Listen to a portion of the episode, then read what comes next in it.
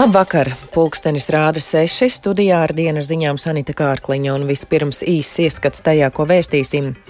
Pasaules valstis Japānu mudina nenovadīt Fukushimas radioaktīvo ūdeni jūrā. Pārtikas un veterinārais dienas cik gadu saņem ap pusotru tūkstoti iesniegumu par mājdzīvnieku labturības pārkāpumiem.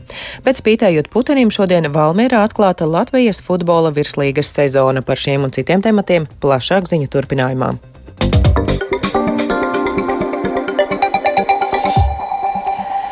Šodien aprit 12 gadi kopš Japānā notika postošā zemestrīce. Deviņas magnitūdas stiprajā zemestrīcē, kas norisinājās 2011. gada martā, Japānas ziemeļaustrumos cieta trīs no sešiem Fukushimas atomelektrostacijas kodola reaktoriem.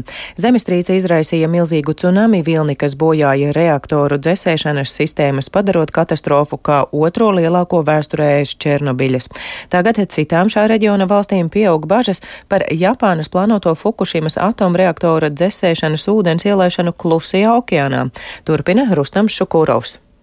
Japānas premjerministrs Fumio Kishida piedalījās katastrofas piemiņas ceremonijā Fukushimas prefektūrā. Ceremonijas laikā premjerministrs sacīja, ka valdība turpinās sniegt atbalstu bojātās atomelektrostacijas eksploatācijas pārtraukšanai, kā arī turpinās sniegt palīdzību tiem avārijas skarto rajonu bijušajiem iedzīvotājiem, kas vēlas atgriezties dzimtajās mājās. Tikmēr Japānas galvaspilsētā Tokijā desmitiem cilvēku pulcējās piemiņas pasākumā, kas norisinājās vienā no pilsētas centriem centra parkiem, kur arī tika rīkots atomenerģijas izmantošanas pretinieku un aktīvistu mītiņš. Iepriekš Kišide ir aicinājis atsākt septiņu Japānas atomenerģijas drošības uzraudzības iestādes apstiprināto reaktoru darbību un apsvērt iespēju būvēt nākamās paudzes reaktorus, izmantojot jaunus drošības mehānismus. Japānas laikrakstu Asahi Shimbun un Jomjūri Shimbun jaunākās sabiedriskās domas aptaujas liecina, ka lielākā daļa cilvēku atbalsta reaktoru restartēšanu pirmo reizi kopš 2000. 2011. gada. Tomēr neusticība atomenerģijai joprojām izplatīta aktīvistu vidū, kuri apsūdz Fukushimas atomelektrostacijas operatoru TEPCO drošības pārkāpumos, kuri satricināja vietējās kopienas. Tikmēr Japānas valdība šogad plāno sākt novadīt jūrā vairāk nekā miljonu tonu reaktoru dzēsēšanas ūdens no avārijas skartās Fukushimas atomelektrostacijas. Kā norāda Fukushimas atomelektrostacijas operators TEPCO, ūdens ir attīrīts no lielākās daļas radioaktīvo izotopu Eiropu, tomēr tritija līmenis joprojām pārsniedz valsts standartus. Plānu par radioaktīvā ūdens ielaišanu jūrā ir apstiprinājusi apvienoto nāciju organizācija Startautiskās atomenerģijas aģentūra, taču tas saskaras ar vietējo zvejnieku kopienu un kaimiņu valstu pretestību. Viena no kaimiņu valstīm ir Ķīna, kas ir paudusi stingru neapmierinātību ar Japānas valdības pieņemto plānu. Fukushimas traģēdijas gada dienas priekšvakarā Ķīnas ārlietu ministrijas pārstāve Mao Ņinga nāca klajā ar paziņojumu, kurā kurā norādīja uz Japānas bezatbildīgumu,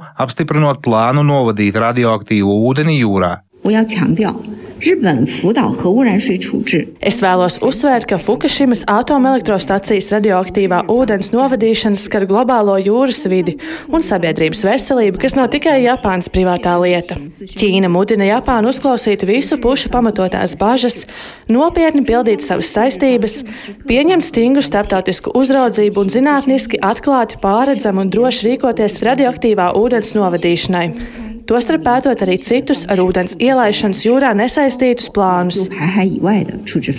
Malo arī uzsvēra to, ka pirms padziļinātas apspriešanas un panāktas vienprātības ar visām ieinteresētajām pusēm, tostarp kaimiņu valstīm un attiecīgajām starptautiskajām institūcijām, Japāna nedrīkst uzņemties rīcības brīvību un nedrīkst sākt novadīt jūrā radioaktīvu ūdeni. Rustams Šukurovs, Latvijas Rādio.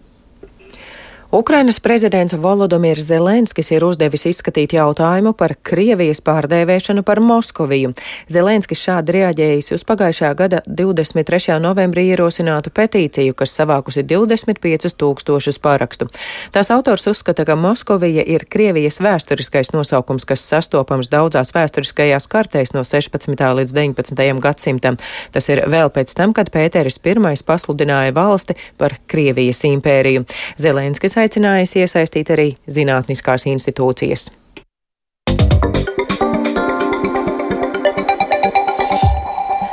Pārtikas un veterinārais dienests ik gadu saņem nemainīgi daudz iesniegumu par mājdzīvnieku labturības pārkāpumiem. Pērn pusotru tūkstoti, aptuveni trešdaļā gadījumu pārkāpumi apstiprinās.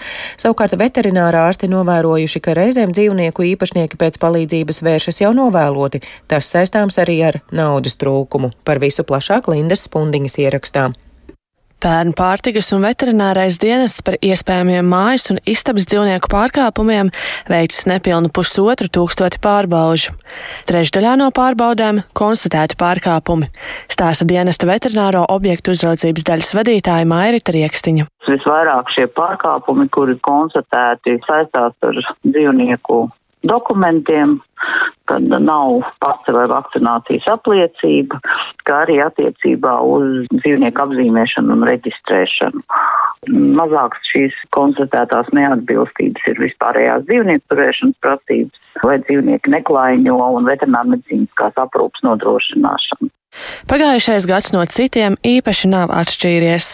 PVD veikto labturības pārbaužu un pārkāpumu skaits ir nemainīgs. Jāpiebilst, ka dienests veids pārbaudas, kad saņem sūdzības. Mēs izskatām arī anonīmās sūdzības.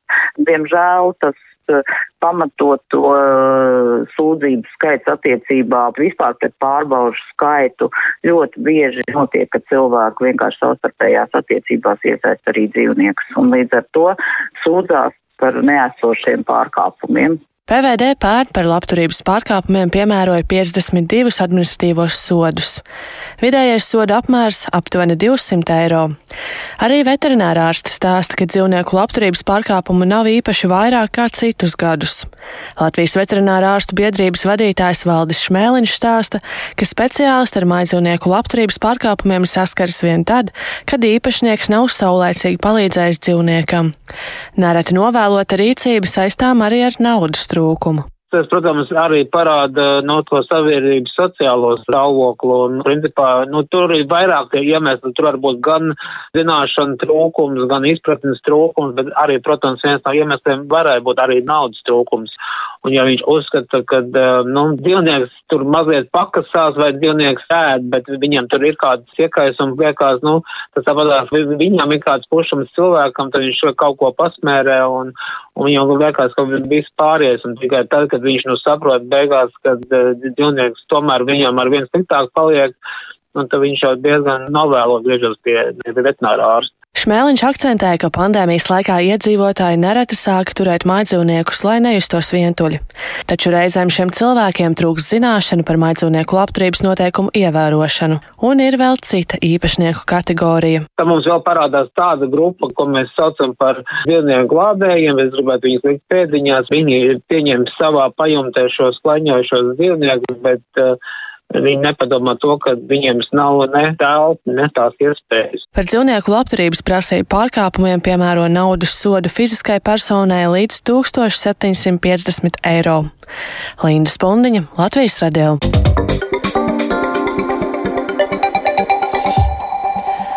Ar slēpošanas cienīgiem laikapstākļiem šodien Valmierā atklāta Latvijas futbola virslīgas sezona. Par spīti sniegputenim mačs tika aizvadīts. Čempioni Valmiera savās mājās uzņēma RFS un spēles gala iznākums vēstīja par bezvārtu neizšķirtu. Taču šo atklāšanas spēli kā futbolisti, tā arī līdzjutēji neaizmirsīs ilgi, turpina Lotārs Zariņš.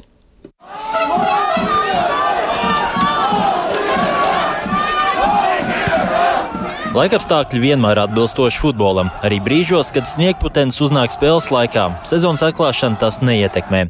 Pirmajās minūtēs spēli kontrolēja viesi, kamēr mainiekiem brāķi piespēlēs. Ap septīto minūti pastiprinājās sniegs, un pirmā puslaika noslēgumā tiesneši lēma par bumbas maiņu, lai to labāk pamanītu laukumā. Pamanāmas nebija arī laukuma līnijas. Turpina Valmieras spēlētājs Kristers Čudars. Nu jā, te laikam nebija vairāk futbols, bet kaut kāda cīņa no abām komandām. Nu jā, uzvar, nu principā rezultāts tāds, kāds bija. Kaut kādi momenti mums, viņiem, principā nešķiet, ka diezgan godīgs rezultāts tādās, tādos laikapstākļos.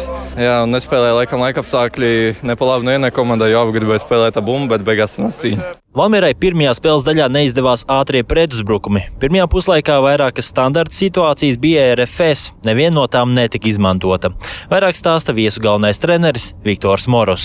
Nu, grūti kaut ko teikt par futbolu, jo nebija daudz futbola. Nav tā, ka vienmēr tas notiek. Mēs runājam par pavasara futbolu, bet ziemas futbols bija. Bet es domāju, un arī mēs runājam ar spēlētājiem daudzas reizes, un tagad arī augstas klases spēlētāji var jebkuras situācijas parādīt savu klasi un pie tām apstākļiem adaptēties. Un es domāju, ka mums tas šodien ļoti labi izdevās. Diemžēl neizdevās uzvarēt, bet eh, to, ko es redzēju laukumā, pilnīgi apmierināja mūs visus, izņemot rezultātu. Domāju, ka šodien mēs izskatījāmies labāk nekā pretinieks un žēl, ka neguvām trīs punktus. Otrajā puslaikā spēle vairāk kārtīgi apturēja, lai notīrītu laukumu, jo sniegšana nemitējās nemirkli. Taču spēle turpinājās.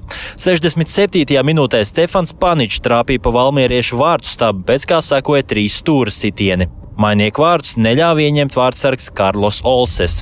Viņa sniegumu komentē Valmieras galvenais treneris Jurģis Kalns. Ir grūti komentēt viņu sniegumu, protams, labi atvairījumi, bet tik vienkārši uzsist uzbrucējiem tādā situācijā nav tik vienkārši to izdarīt. Protams, Olsas bija pareizās pozīcijās, glāba vairāk kārt tur komandu, bet es domāju, ka viņš ir daudz spējīgāks vārdsargs nekā mēs šodien redzējām. Pirmkārt, viņš spēlēja ar kājām. Protams, šādos viņam kājas salst, un ja treniņos viņš runā, kad mēs parasti esam spēcīgāki piespēlē, iespējams, tad viņš atbildēs, es tikai zeķēs un bucīšos. Man nav tik vienkārši. Viņš arī pirmo reizi ir sniegā, tāpēc ja mēs liekam visus tos faktorus kopā, visas adaptācijas, ļoti, ļoti labi spēlēs.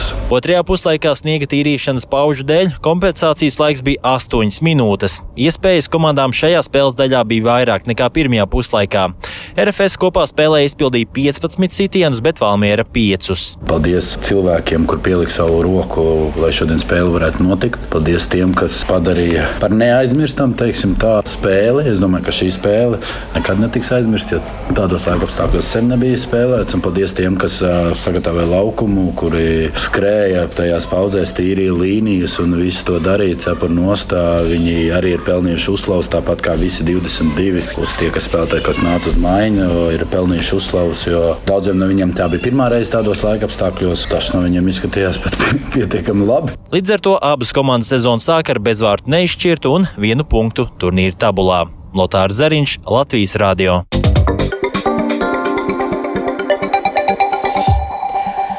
Šodien gaidāma pirmizrāde Liepājas leļu teātra izrādēji Murjāņu Kurmītis un viņa draugi. Izrāde pēc valda rūmnieka stāstu motīviem veidojas režisors Girts Šolis, kurš uzsver, ka viņam šķiet īpaši svarīgi mazajiem skatītājiem rādīt pašmāju autoru darbus. Stāsta varoņi tapuši no sadzīves priekšmetiem, kas atrasti vecstāvu šķūnītī aktualizējot tādas kaut kādas tādas virsuzdevumus, ka varbūt tik vienam vecākam kaut kā gribētos varbūt, būt pārliecinātam par to, ka ka viņu bērni tādas, varbūt tādas elementāras funkcijas saprot un zina, kā rīkoties. Nu, kaut kā tādi mazie uzdevumi mums ir pasaka pa dūmiem, kur ir, kur ir stāsts par, gan par dūmu detektoriem, gan ko darīt, teiksim, kaut kādā uguns nelaimes vai aizdomu gadījumā, un kur zvanīt, un, un kā rīkoties, un kas ir labi un kas ir slikti, un kur, kur sērkociņiem jābūt. Arī par burtiņiem pazudušajiem, kur pēles nozagušas ir kaķīšiem M burtu. Mazmeitiņas un kurmīša lomā iejūtas aktrise Inga Dzintere, savukārt vectētiņu un kolorīto līda, ko attēlo Liepājas lēļu teātra aktieris Ingars Gundermanis, kurš atzīst, ka izrāde būs ceļojums pagātnē arī vecākiem. Hodoskops neizmanto vairs skolās šobrīd, rakstāmašīna arī Dažs redzēs pirmo reizi vecākiem, tas būs tāds, ah, kādreiz taču rakstīja. Telefons, kurš ir nevis spaidāms, bet zvanāms. Ja? Īstenībā tie visi tie priekšmeti ir tādi, kuri ir no šķūnīšiem un pagrabiem, kur stāv nu, parasti veciem cilvēkiem, kur tur stāv sakrauti kaut kur kaudzēs. Tas viss ir atdzīvojies un taps par tādu interjeru. Tas man liekas, būs tāds arī inčīgs tāds tieši vecākiem ceļojums pagātnē. Ar to izskan dienas ziņas sešos vakarā. Producents Viktors Pupiks ierakstus montēja Uldis Grimbergs pie skaņu pults Kārlis Rašmanis, bet studijā Sanita Kārkliņa un vēlreiz īsumā par dienā svarīgāko. Japānu mudina nenovadīt Fukushimas radioaktīvo ūdeni jūrā. Pārtikas un veterinārais dienas cik gadu saņem ap pusotru tūkstoti iesniegumu par mājdzīvnieku labturības pārkāpumiem, bet spītējot putenim šodien Valmierā atklāta Latvijas futbola virslīgas sezona. Rīgā šobrīd mīnus 2 grādi, ziemē rietumu vēju brāzmās 8 m2, gaisa mitrums 91%, atmosfēras spiediens 741 mm. Svētdien dienā mākoņu daudzums būs mainīgs, lielākajā valsts daļā īslaicīgi sniks un putinās, bet vietām kurzemē putinās stipri. Naktī un no rīta mīnus 4, mīnus 9 grādi, rīt dienā mīnus 2 plus 2, pūtīs lēns līdz mērens rietumu ziemē rietumu vējš. Naktī ceļi aplados, dienā braukšanas apstākļi uz lielceļiem uzlabosies, bet mazāki ceļi saglabāsies ledaini un sniegoti.